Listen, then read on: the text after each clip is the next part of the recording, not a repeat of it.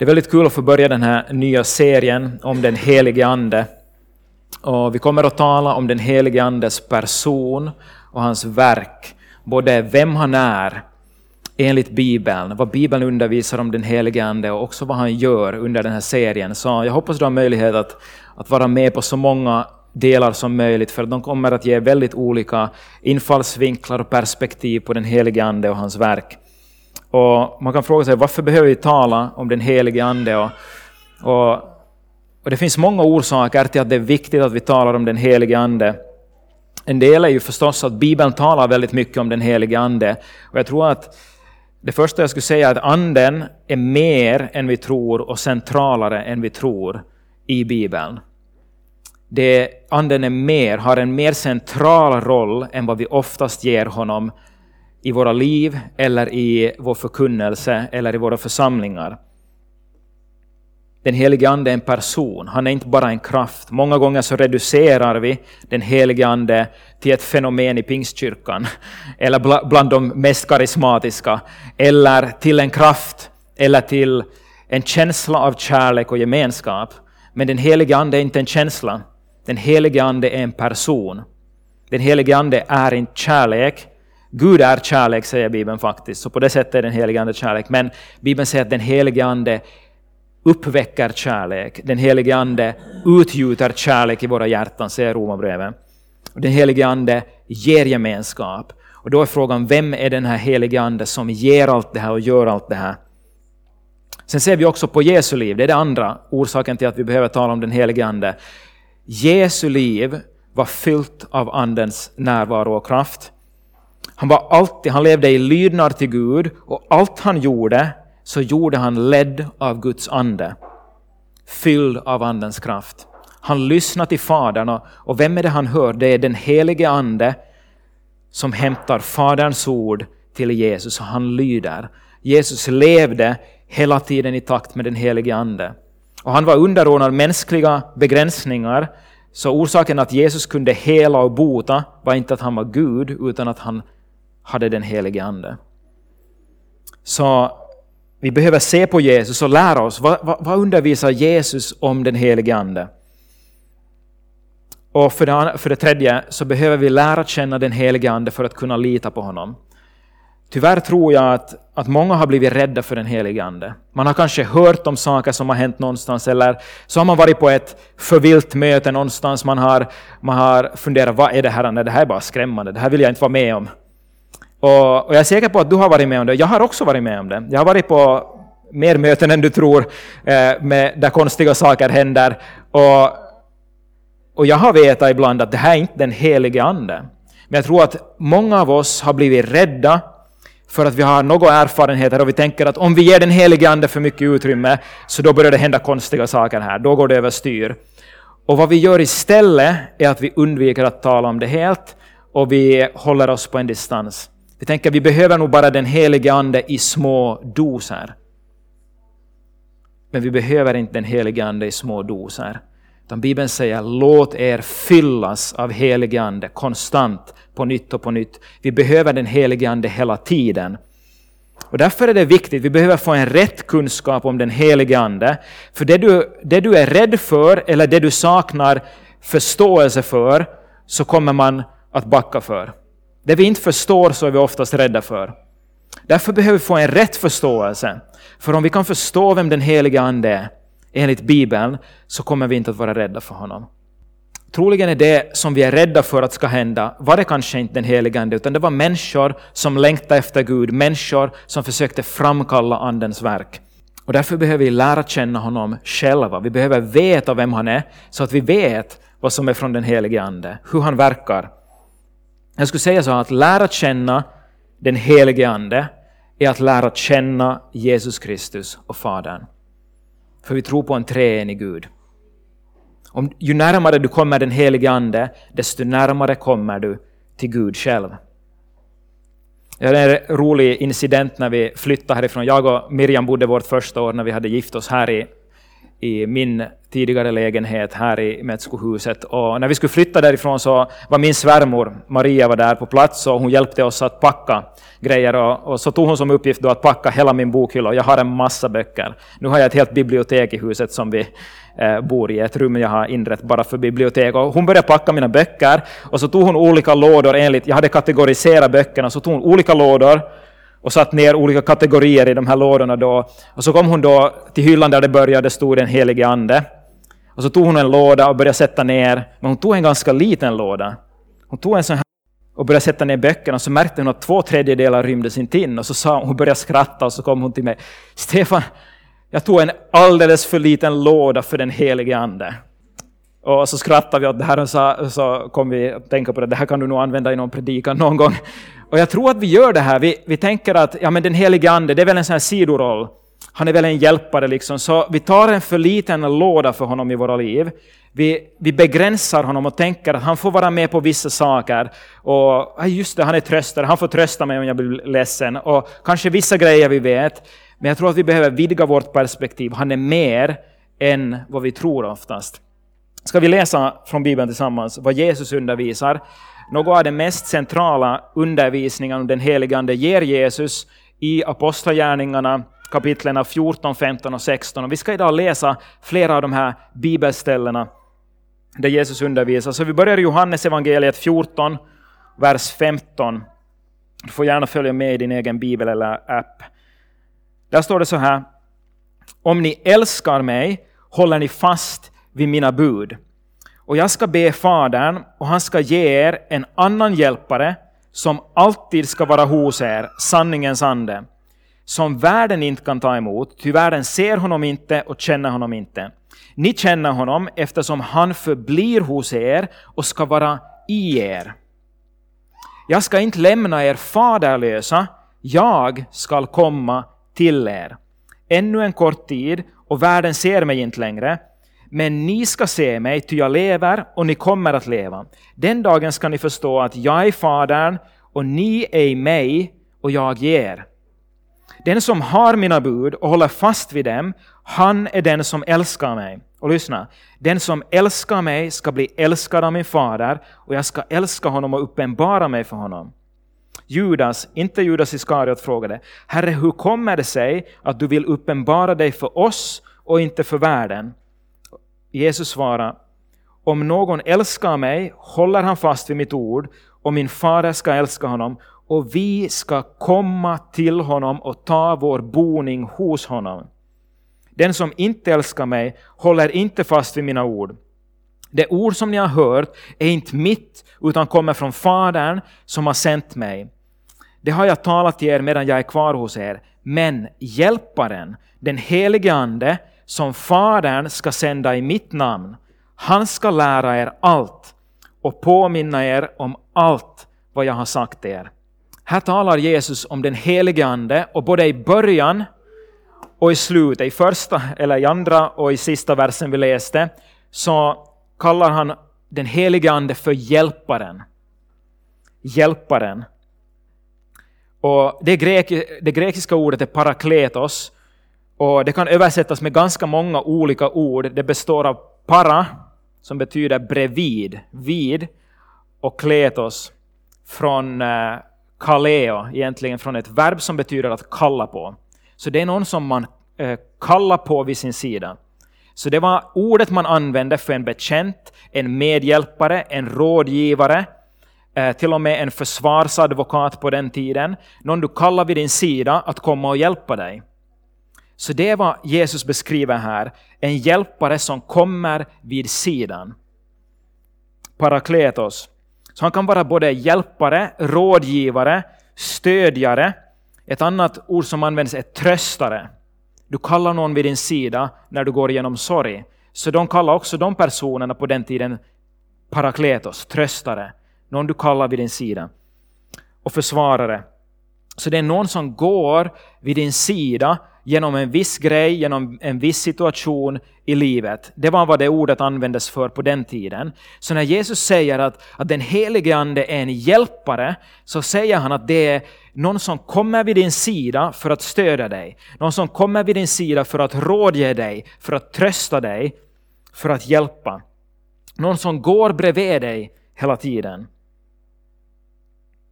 Om du tar allt det där tillsammans, alla de olika sakerna som parakletos betyder, så kan man också säga att han är din vän. Den helige Ande är en vän. Om du skulle beskriva en vän, uh, hur är en bra vän? Ja, men det är någon som står bredvid dig, det är någon som står med dig när det är tufft, någon som tröstar dig, någon som hjälper dig, någon som lyssnar på dig, någon som ger dig goda råd. Du kan ge jättemånga olika saker. Någon som älskar, någon som kommer med gemenskap. Jag skulle säga den helige Ande, han är hjälpare och han är också en vän. Och kanske man först tänker sådär en hjälpare, jaha, han är Guds sidekick. Han är liksom Guds biroll på något vis som kommer och hjälper, men, men det är inte den bilden Jesus ger, utan när han säger det här, och jag ska be i vers 16, jag ska be Fadern och han ska ge er en annan hjälpare som alltid ska vara hos er, sanningens ande. Så ordet som använd allos för en annan hjälpare, det betyder inte en annan slags hjälpare, utan det betyder en annan av samma slag. En annan av samma kvaliteter och egenskaper. Det är vad det grekiska ordet betyder. Så vad Jesus säger är att jag ska be Fadern och han ska sända er en annan hjälpare av exakt samma kvaliteter och egenskaper som ni har haft hittills. Hänger ni med? Så senare, vi kommer att komma till det. Jesus säger senare att jag kommer att gå bort och om inte jag går bort så kan inte jag sända hjälparen. Så vad Jesus säger är att när han går bort så kommer han att sända en hjälpare vid den kristnes sida som har samma egenskaper, samma kvaliteter som han själv. Allos parakletos, en annan hjälpare. Så han säger en med samma kvaliteter som Jesus. Ni kommer att få en hjälpare som Jesus Kristus som kommer att gå vid er sida. Det här är det första du behöver veta om den helige Ande. Han är inte en biroll till Gud, han är inte bara en sidekick, utan han, den helige Ande, är Gud själv närvarande i ditt liv. Den helige Ande är Gud själv närvarande i ditt liv. Hela det här stycket som vi läste ramas in av att Jesus ska be Fadern sända hjälparen. Det börjar och slutar med det. Men på vilket sätt? Vad är det som han väver in? Och han säger det flera gånger i flera verser genom det här bibelstycket. Han säger att världen kan inte se honom och inte ta emot honom, men ni känner honom och han ska förbli er och vara med er. Han ska förbli hos er och ska vara i er. Så de har vandrat med Jesus och de känner Jesus för att de har levt med honom i tre år.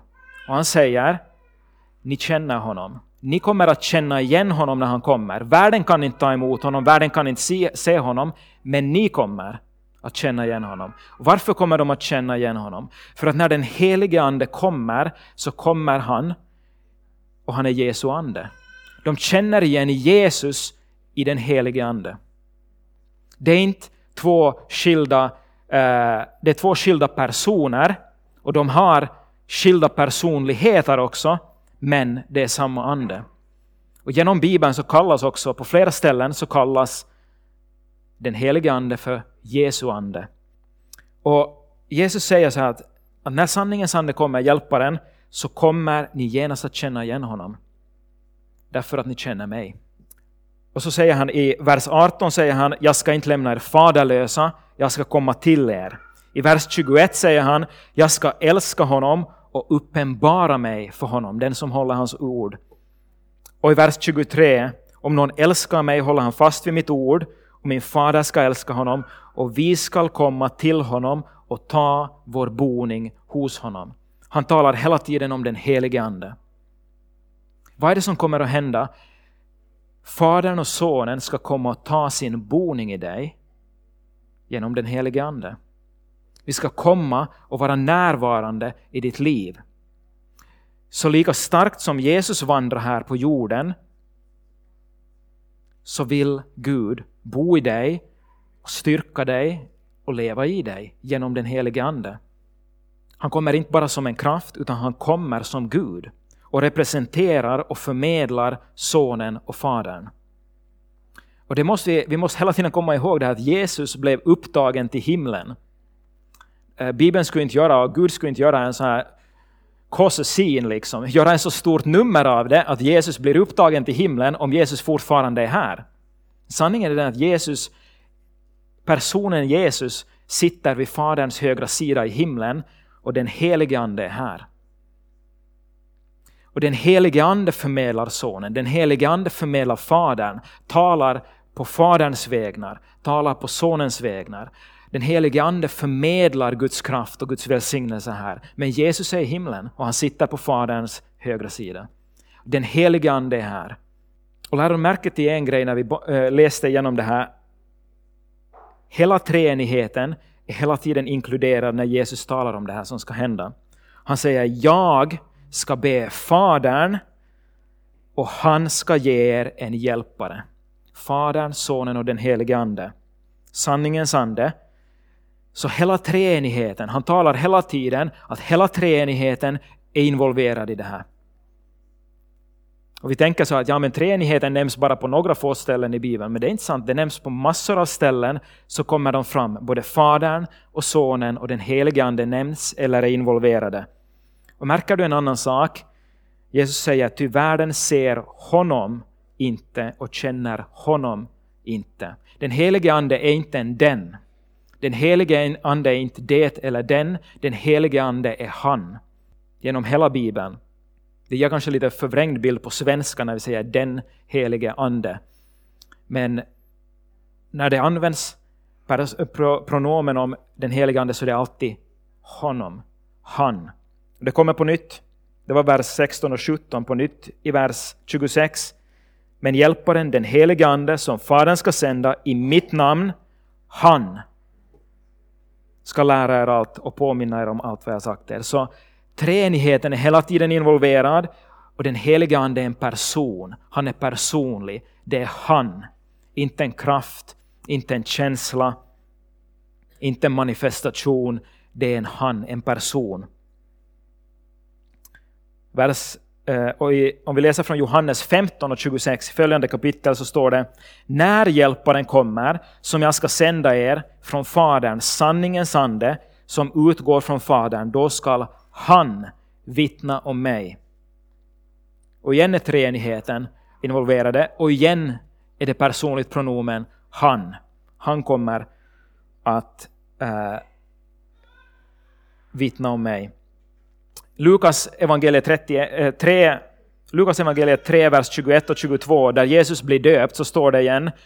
Och den helige ande sänkte sig ner över honom i en duvas skepnad, och från himlen kom en röst, du är min son, den älskade, i dig har jag min glädje. Och igen är hela treenigheten närvarande. Jesus blir döpt, den helige Ande kommer i en duvas skepnad och Faderns röst talar från himlen. Du är min son, den älskade. I dig har jag min glädje. Och här får vi en av bilderna. Vi kommer inte att gå igenom alla bilderna som beskriver den helige Ande. Det finns ju massor. Vatten, vin, duva, eld, olja, det ena och det andra som beskriver. Men här är en av bilderna, duvan, som talar någonting om den helige Andes känslighet. Den, e- den helige Ande är väldigt mild, han är mjuk och han är känslig. Jag skulle säga att av de tre personerna i treenigheten så är den helige Ande den känsligaste. Han är den känsligaste, den mildaste. Bland annat så säger Bibeln att om någon talar mot sonen eller mot fadern så ska de få förlåtelse, men den som hedrar den helige Ande ska aldrig någonsin få förlåtelse. Så det finns någonting där av att den helige Ande är känslig. Han är mild. Och det är viktigt hur vi hanterar honom, hur vi talar om honom. Han kan också bli bedrövad, säger Bibeln. Bedröva inte den helige Ande, står det i Hefesiabrevet. Så vi behöver tänka på det. Sist, sista exemplet om treenigheten så är ju missionsbefallningen. I Matteus 28, vers 19 och 20 så säger ju Jesus så här. Gå därför ut och gör alla folk till lärjungar, döp dem i Faderns och Sonens och den helige Andes namn och lär dem att hålla allt vad jag har befallt er och se, jag är med er alla dagar in till tidens slut. På vilket sätt är Jesus Kristus med oss när vi gör lärjungar? Genom den helige Ande. För efter det här blev han direkt upptagen till himlen och sände den helige Ande. Och det är, det är det som apostlagärningarna berättar. Berättelsen om hur den helige Ande kommer som Faderns och Sonens representant och verkar här i världen. Och lyssna vad mer Jesus säger i Johannes 16, vers 5-7. Nu går jag till honom som har sänt mig och ingen av er frågar mig, vart går du? Men eftersom jag har sagt er detta är era hjärtan fyllda av sorg. Men jag säger er sanningen, det är bäst för er att jag går bort. Ty om jag inte går bort kommer inte hjälparen till er. Men när jag går bort ska jag sända honom till er. Så han talar om att lärjungarna är sorgsna, de är ledsna, för Jesus talar om att han ska gå bort. Men han säger, det är bäst för er att jag går bort. Hänger du med? Han säger, det är bättre för er att jag går bort och den heliga Ande kommer istället. Det är till er fördel att jag går bort. Det är bättre för kyrkan, det är bättre för dig personligen att inte Jesus är här utan att den helige Ande är här istället. Det är vad Jesus säger, rakt upp och ner i Bibeln. Och då måste du fråga dig, vänta lite, hur går det här ihop? Hur är det bättre? Men vad, om, om inte jag skulle få ha Jesus här liksom, Tänk om Jesus skulle gå här, han skulle vandra mitt ibland oss, han skulle predika åt dig på söndag, han skulle eh, eh, bota sjuka, uppväcka döda, alltihopa, driva ut demoner. Men han säger, det är bättre att jag går bort och att den helige Ande kommer istället. Då måste det få oss att fundera, wait a second, vad betyder det här för mig? Hur kan det vara bättre att inte Jesus är här personligen utan att den helige Ande är här? För den helige Ande vill ta sin boning i var och en. Jesus var bunden till tid och rum, han var på ett ställe, men den helige Ande vill ta sin boning i varenda en. Han vill gå personligen bredvid varenda en. Han vill vara hjälpare åt varenda en av oss. Så det är bättre att ni får den helige Ande, hjälparen, vid er sida.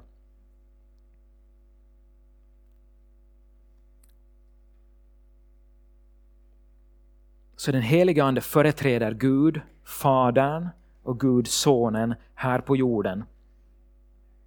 Och Det är en otroligt vacker bild som Bibeln egentligen målar om deras enhet, om gemenskapen i, den tre, eh, i treenigheten. Fadern och Sonen och den helige Ande de betjänar alla varandra. De underordnar sig varandra och de hedrar varandra. Vi ser det hela tiden eh, på olika sätt. De lyfter upp varandra Eh, den helige Ande vittnar om Jesus. Fadern eh, förhärligar Sonen, Sonen förhärligar Fadern. Man kan säga så här, det här kommer du troligen inte att hinna skriva ner, men i varje fall, du kan lyssna på det senare. Sonen talar vad han hör Fadern säga, Fadern förhärligar Sonen. Fadern och Sonen ärar den helige Ande genom att ge honom uppdraget att tala för dem här i världen. Och den helige Ande ärar Fadern och Sonen genom att tala om dem och för dem. Så hela tiden så sker det en, ett utbyte av ära, av heder, av gemenskap mellan treenigheten. De representerar varandra, de hedrar varandra. Och det är den starkaste kärleken som finns är i treenigheten. Och ju mer vi kommer närmare den helige Ande, ju mer vi går in i, som Peter Halldorf skriver om den helige Ande, att gå med i dansen. Den helige treenigheten är liksom som eh, i en ständig dans eh, där de betjäna varandra, hjälpa varandra, ära varandra, älska varandra. Och Gud bjuder med oss, kom med. Kom med i den här gemenskapen, ta del av den, bjud in den helige Ande att vara del i ditt liv. Och vi behöver få, tror jag, en ny respekt och beundran och uppskattning för den helige Ande och hur han verkar. Han är inte bara en kraft, han är Gud. Och vi behöver ära honom som Gud. Och du behöver se hur stort det är att den helige Ande vill ta sin boning i ditt liv. Har du tänkt på det att Gud vill ta sin boning? Det är inte bara att du får kraft när du behöver det, utan han borde vara, han borde vara där hela tiden. Vi borde hela tiden som en vän vända oss till honom och fråga vad ska jag göra nu? Helige Ande, hjälp mig, tala till mig. Vad ska jag säga i den här situationen? Kanske någon säger så här, men finns inte en risk om vi betonar den helige Ande för mycket, att Jesus hamnar i skymundan? Vi talar bara om den helige Ande och så talar vi inte om Jesus så mycket. Och så blir det just det här, det blir svärmeri, det blir överslag hit och dit. Men lyssna vad Jesus sa. Det här är min andra poäng när vi kommer till att den helige Ande är din hjälpare. Lyssna vad Jesus säger. För det första är han din Gud, för det andra han är din hjälpare. Och lyssna hur Jesus säger, förklarar det. Eh, Johannes 14.26 så sa han, men hjälparen, den helige Ande som Fadern ska sända i mitt namn, han ska lära er allt och påminna er om allt vad jag har sagt er. Vad är det han gör? Han lär och han påminner om det Jesus har sagt. Han talar inte för sig själv. Han kommer inte med något eget, utan han lär och påminner om det Jesus har sagt. Om du hoppar vidare till Johannes 15 och vers 26, nästa kapitel, samma vers. Johannes 15, 26 så säger han, när hjälparen kommer, som jag ska sända er från Fadern, sanningens ande som utgår från Fadern, då ska han vittna om mig.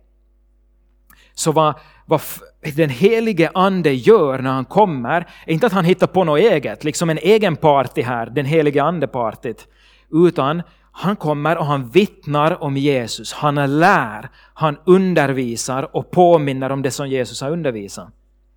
Och det här måste vi förstå om den helige Ande. Ju närmare jag kommer den helige Ande, ju närmare Jesus Kristus kommer jag. För det enda som händer om du betonar den verkliga helige Ande som Bibeln beskriver, det enda som kan hända är att han betonar Jesus i ditt liv. Du söker den helige Ande och han kommer att söka att föra dig närmare Jesus.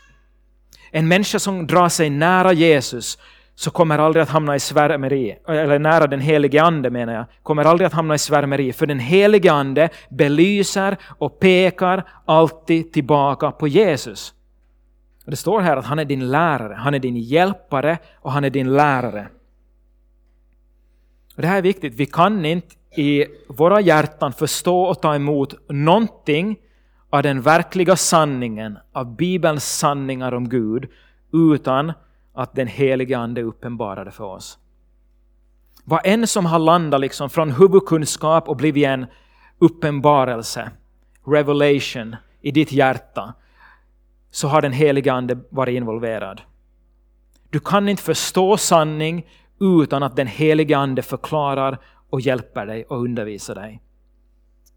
Vi kan tänka kanske att jag har läst en massa böcker, jag har lärt mig så mycket och förstått så mycket. Men för att det ska bli uppenbarelse och förvandla oss så behövs alltid den helige Andes hjälp. För han är den som uppenbarar Jesus Kristus. Anden är Guds röst.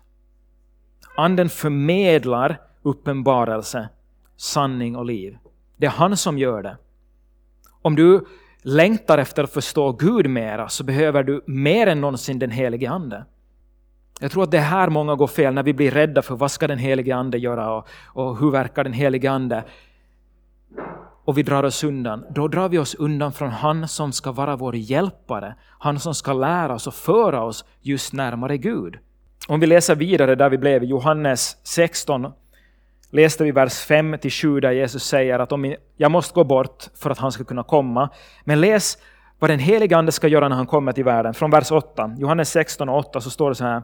Och när han kommer ska han överbevisa världen om synd, rättfärdighet och dom. Om synd, ty de tror inte på mig, om rättfärdighet, ty jag går till Fadern och ni ser mig inte längre, om dom, ty denna världens furste är dömd. Och vi fortsätter ännu lite till vers 15. Jag har ännu mycket att säga er, men ni kan inte bära det nu. Men när han kommer, sanningens ande, då ska han föra er in i hela sanningen. Hänger du med? Den helige Ande, Jesus kunde inte ge dem allt liksom. Det var overload, systemet, systemerror liksom, 404. Ni kan inte ta emot allting nu, men när han kommer, den helige Ande, så kommer han, ju mer ni vandrar med honom, att föra er in i hela sanningen. Han kan uppenbara allt du någonsin behöver veta om Gud. Och vet du vad? Det är bara den helige Ande som kan göra det. Du kan inte läsa dig till det, du kan inte studera dig till det, du kan ha hur många mentorer som helst, men om inte den helige Ande är verksam i allt det där och talar genom böcker, genom de här människorna och så vidare, om inte den helige Ande är där så kan inte det bli uppenbarelse som förvandlar ditt liv i ditt hjärta. Så du behöver den helige Ande. Nu, nu kommer jag av mig här lite, vi var mitt i det här.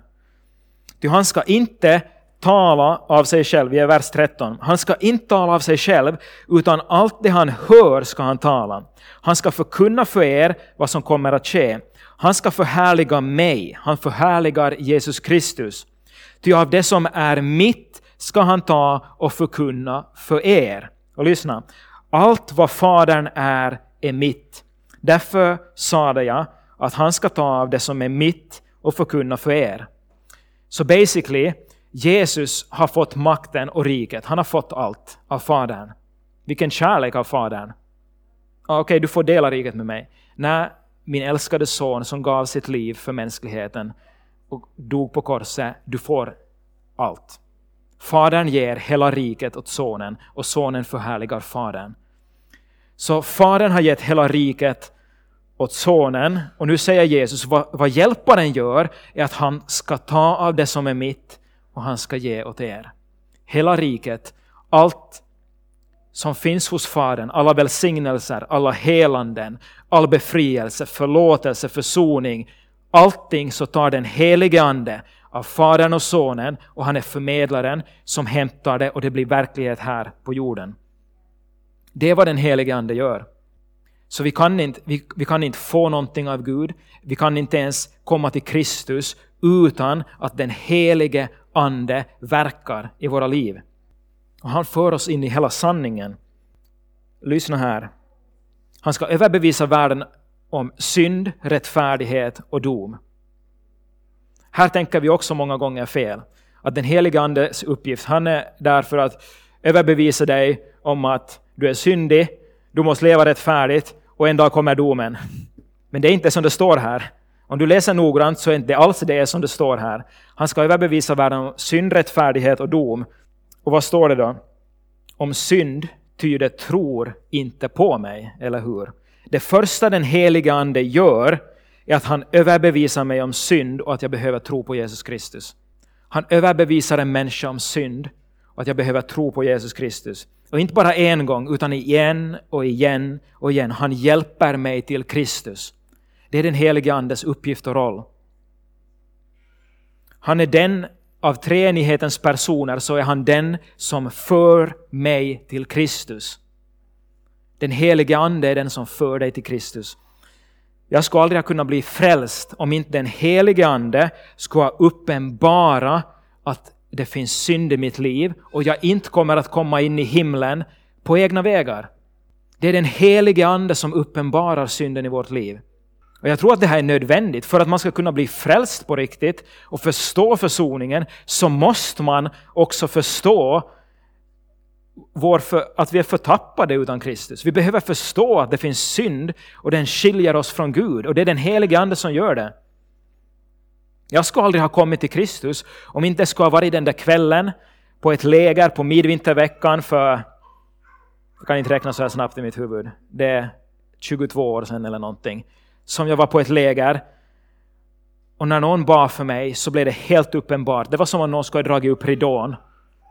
Och jag förstod för första gången i mitt liv på djupet att jag är syndig. Jag, jag är inte värdig att komma inför Gud. Jag är inte värdig att komma till himlen. Det, det bara öppnades på en sekund för mig. Och det var ingen som predikade om det, den, eh, alltså det, temat för det där midvinterveckan det året, det var nog helt jättekomplicerat, det var mindervärdighetskomplex och grejer. Jag kommer inte ihåg någonting annat än det här. Det var den helige Ande som drog upp ridån och mitt i allt förstod jag att jag är syndig. Men det otroliga var det här. i samma stund, i samma stund, alltså jag kan inte skilja på att vad det är ens, ens en sekund emellan. Jag förstår att jag är syndig och den stunden så stod det klart för mig, kristallklart att Jesus har gett sitt liv för mig och han har betalat priset för min synd. Och det är fortfarande den starkaste mötet med Gud i mitt liv, när den helige Ande, inte förstod jag då, inte satte jag sådana ord på det, att det var den helige Ande, men jag förstår det nu. Det är den helige Ande som uppenbarar synden, och det är den helige Ande som för mig och pekar mig till Kristus. Han är lösningen i ditt liv.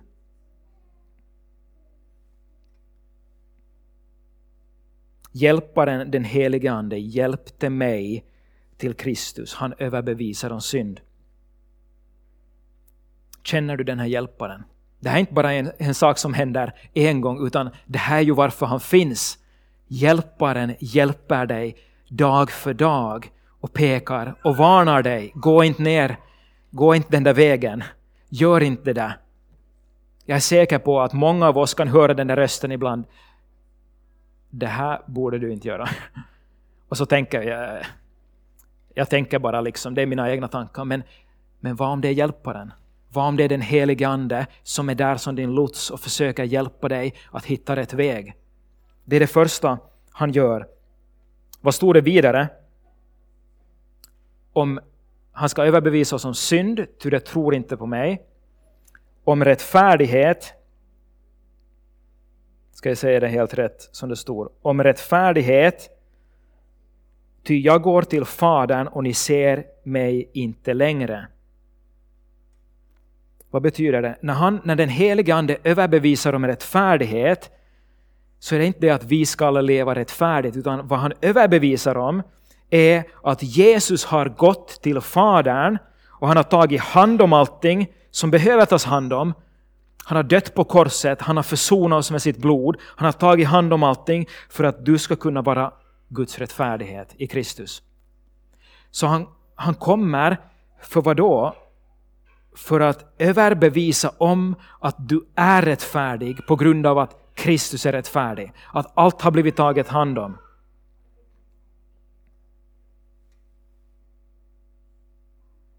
Så han kommer och han överbevisar mig om synd, men när jag omvänder mig, när han viskar du behöver omvända dig, det här är synd, du kan inte göra det här. Så säger jag ja, Herre, jag omvänder mig, jag ber om förlåtelse, så kommer han igen och han överbevisar, han vittnar om att jag är rättfärdig i Kristus. Vi borde lika snabbt som vi hör den helige Ande vittna om att det här är synd, det här behöver du omvända dig ifrån, så behöver vi vara snara och snabba att lyssna när den helige Ande överbevisar och vittnar om att du är rättfärdiggjord i Kristus. Du är fri, du är förlåten, du är inte mera under det där slavoket, under syndens slaveri. Vi borde lyssna till den helige Ande för han kommer för att vittna om det här. För att överbevisa världen om rättfärdighet, inte bara om synd, om rättfärdighet. Och sen står det att han överbevisar om dom. Och vad står det? Ty denna, måste tjuvkolla igen så jag säger att ty denna världens furste är dömd. Vad är det det handlar om? Det handlar om djävulen. Han kommer och han överbevisar, han vittnar om att djävulen är besegrad i ditt liv. Djävulen har blivit dömd. På korset så fick djävulen det slutgiltiga slaget, slaget som krossar honom. Han, han lite ännu som en död fisk sprattlar och har lite makt kvar, men han är redan dömd. Djävulen är redan dömd. Jesus säger också på ett annat ställe i Johannes 12 och 31 att nu går domen, en dom över världen, nu ska denna världens furste kastas ut. Så när Jesus dör på korset så dömer han Satan och han kastar ut honom. Så han kommer, den helige ande kommer att övertyga mig om synd, att jag måste omvända mig, och om rättfärdighet från Gud, att jag får del av Kristi rättfärdighet, och han överbevisar det. Och så fortsätter han att överbevisa mig om ännu en sak och det är att djävulen har blivit dömd. Djävulen är krossad och djävulen har inte längre någon makt i ditt liv. Det är vad det betyder. Djävulen kan inte mer, han har ingen makt att förstöra i ditt liv.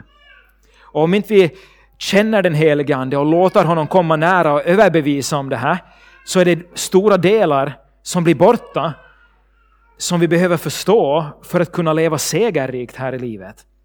Inte bara att jag har synd som jag behöver omvända mig, men från också att jag är rättfärdig och djävulen är dömd. Jag är befriad.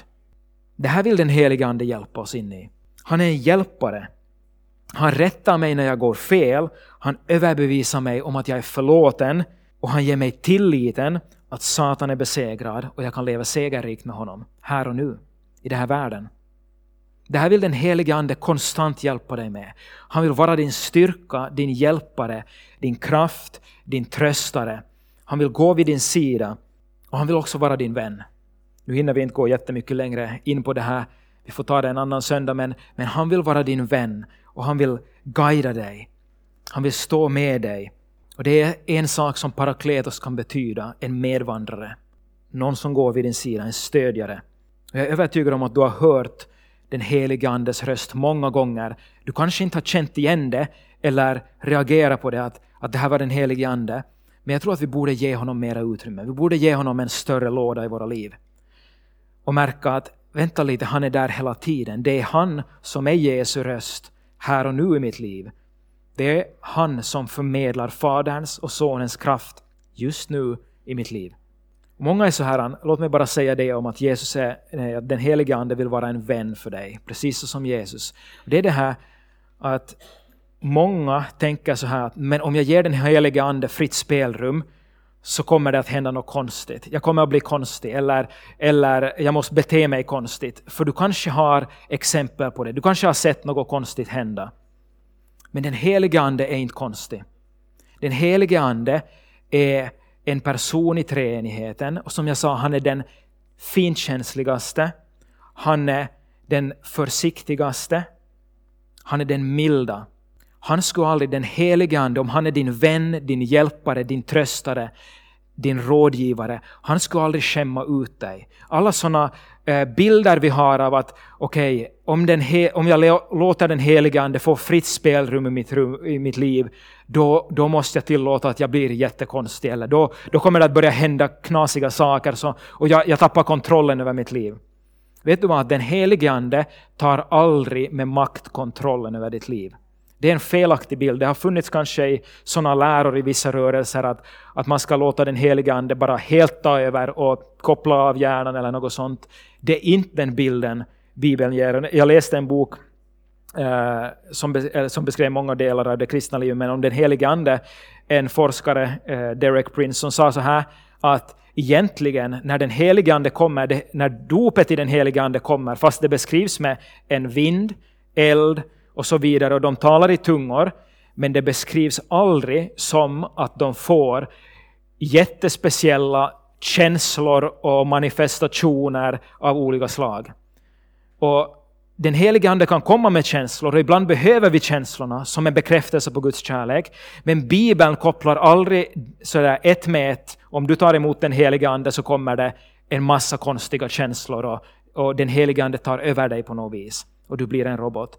Utan istället säger Bibeln så här, Herren är anden och där Herrens ande är, där är frihet. Var än vi ger utrymme för den helige Ande mer i våra liv, så kommer han med frihet. Han kommer inte att binda oss, inte att styra oss, utan han kommer endast att göra det som vi ger honom utrymme att göra. Han tar inte över, för han är en vän. Du måste tänka på det här okay, din bästa vän, din närmaste vän, hur god, hur, hur sällan den människan skulle någonsin på något vis skada eller såra dig eller uh, utsätta dig för någonting som skämmer ut dig. Ingen vän vill göra det. Den helige Ande är mycket mer än en mänsklig vän. Han skulle aldrig skämma ut dig. Han skulle aldrig uh, göra någonting sånt bara för att uh, få dig att känna dig konstig. Han är den vänligaste medkännaren, finkänslig som du någonsin kan tänka dig. Han är aldrig fräck, han är aldrig hård. En orsak till att människor kanske har svårt att höra den helige Andes röst, där får vi också tala om en annan söndag, att höra den helige Andes röst. En orsak till det är att han talar milt. Människor förväntar sig att det ska komma en stark kommenderande röst som bara befaller dem. Gör så och lämnar inget utrymme för din egen vilja. Men oftast Oftast när jag hör den helige Ande så är det en svag stilla röst. En svag stilla röst som manar mig. Och det kan avsluta med den här bilden som någon gav, som jag tycker är en väldigt bra bild på den helige Ande. Han är som en lots. Och nu finns det inte jättemycket lotsar kvar, men att det finns lotsar fortfarande i skärgården och på havet. Och om du inte vet vad en lots gör så är det ju så att det kommer kanske ett skepp från Grekland eller från Spanien som kommer med något varor till Finland. Vår skärgård är så komplicerad och våra farleder är så smala, så de kaptenerna de känner inte farlederna och de kan inte styra in, de, de försöker inte ens styra in skeppen. Utan vad, vad Finland då erbjuder, det är att de gör, skickar ut en lots till fartyget, kör, endera från hamnen eller kör ut dem till båten med ett litet skepp. Lotsen stiger ombord på skeppet och går upp på kommandobryggan, men lotsen tar inte kontrollen över skeppet utan kaptenen på skeppet är fortfarande kapten på fartyget. Lotsen kommer och ställer sig bredvid. Det här är sant. Det här är vad lotsen gör. Ställer sig bredvid kaptenen och ger råd. Han säger inte så här kommenderande, nu ska du svänga, utan han säger så här att eh, jag rekommenderar att du tar 10 grader styrbord här. Eh, jag skulle föreslå att du tar 20 grader babord här och så lotsar lotsen kaptenen att styra skeppet rätt. Och det här är en väldigt bra bild på den helige Ande. Han kommer inte in för att ta kontrollen och kommendera, utan han kommer som en vän. Han kommer vid din sida och han ger med sin stilla milda röst så ger han rekommendationer. Eh, jag skulle föreslå att du inte gör det där Stefan. Det är inte bra, det där är synd. Jag skulle rekommendera att du går direkt och ber om förlåtelse av din fru. Jag skulle rekommendera det. Och han kommer med en stilla röst och han börjar tala till oss. Och Det här är spännande. Det här är någonting som vi inte bara behöver utan som gör all skillnad i det kristna livet. Det här är, vägen till att lära känna Gud mera. Han kommer att guida mig när jag läser Bibeln. Han kommer att vägleda mig eh, i olika livsbeslut. Han kommer vid min sida för att guida mig rätt. Som en lots. Och jag tror att vi borde vi borde omvända oss från hur vi har behandlat och talat om den heliga Ande många gånger i våra kyrkor. Jag tror att vi behöver omvända oss från den roll vi har gett den helige Ande och erkänna att han, han är inte bara en sidekick, en hjälpare eller kraft när vi behöver det. Han är Gud. Han är hjälparen som varje dag vill leva i oss och hjälpa oss. Han är vår vän. Och jag tror att vi behöver ge en större låda åt honom. Vi behöver ge ett större utrymme åt honom. Kanske vi skulle borde kasta bort lådan helt och hållet och inte försöka boxa in Gud i så här är han, så här är han, det här är Gud. För alla sådana försök leder oss fel. Vi behöver bara kunna lita på den här Guden som är så god och har gett sitt liv för oss. Lita på att också när han sänder den helige Ande så vet han bäst och vi behöver det. Ska vi be tillsammans innan vi firar Herrens måltid tillsammans.